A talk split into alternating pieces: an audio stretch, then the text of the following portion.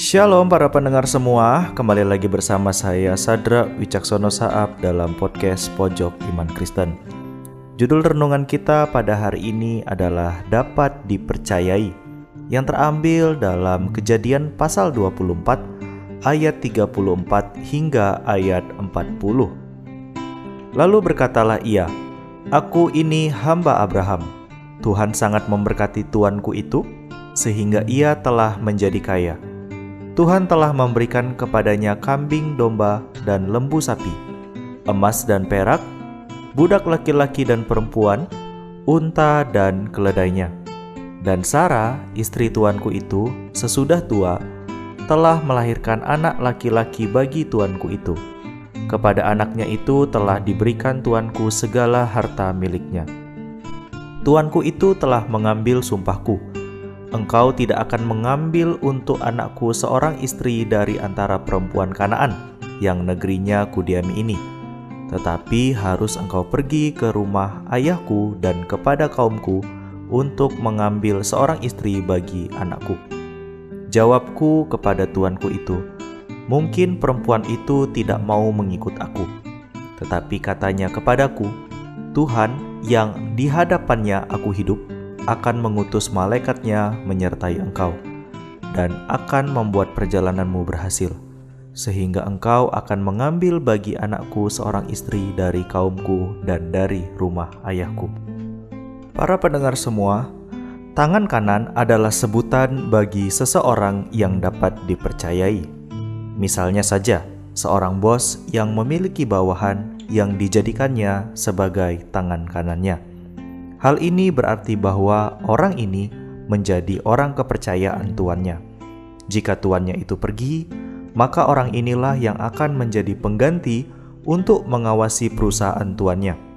Atau jika ada hal penting untuk disampaikan kepada orang lain yang sifatnya rahasia, maka orang tangan kanannya yang akan ditugaskan untuk menyampaikan pesan tersebut. Orang yang dianggap sebagai tangan kanan akan melakukan tugas-tugas yang penting dari tuannya, sehingga orang tangan kanan tentulah orang yang dapat dipercaya oleh tuannya. Ada seorang hamba yang dipilih oleh Abraham untuk melakukan perjalanan, melakukan tugas mencari istri bagi Ishak. Tentu, hamba ini adalah seorang kepercayaan Abraham. Bahkan, seorang hamba ini mau mengambil sumpah untuk menerima tugas yang diberikan Abraham sampai tuntas. Yang bisa kita baca dalam ayat sebelumnya yaitu ayat yang ke-9. Ia bertanggung jawab penuh dengan memintai penjelasan secara detail mengenai tugas yang diberikan oleh Abraham tuannya. Tidak hanya sampai di situ.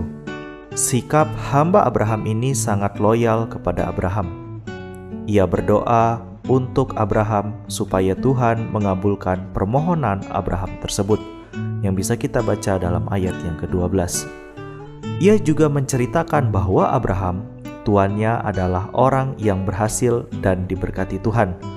Hamba Abraham ini tidak menunda-nunda tugas yang diberikan oleh tuannya. Malahan, ia bersegera untuk menuntaskan tugas yang harus ia kerjakan. Setelah selesai melakukan tugasnya, ia kembali dan menyampaikan semua perjalanannya kepada Ishak. Hamba Abraham ini bersikap setia, patuh, dan penuh tanggung jawab, dan sikap hamba ini adalah contoh loyalitas terhadap tuannya. Para pendengar semua, menjadi orang kepercayaan seseorang yang penting merupakan suatu kebanggaan buat setiap kita. Namun, Menjadi orang kepercayaan tidaklah mudah, sebab kita dituntut untuk dapat dipercayai. Selain itu, firman Tuhan mengajarkan kita melalui hamba Abraham untuk kita memiliki sikap yang setia, patuh, dan bertanggung jawab. Oleh sebab itu, kita dapat memulainya di tempat kerja, di lingkungan tempat tinggal, di sekolah, ataupun di rumah. Dalam hal apa kita dapat dipercaya oleh atasan, rekan kerja, orang tua, guru, bahkan teman-teman terdekatmu? Apakah mengerjakan tugas kantor? Dalam hal keuangan, membereskan kamar, menyapu halaman, tugas kelompok, atau piket di kelas. Lakukanlah semuanya itu dengan taat, dengan penuh tanggung jawab. Maka mereka akan memperhitungkan setiap apa yang kamu lakukan. Apakah kamu dapat dipercaya atau tidak? Jadi, lakukanlah dengan setia. Biarlah perenungan firman Tuhan pada hari ini menjadi berkat bagi kita semua. Tuhan Yesus memberkati.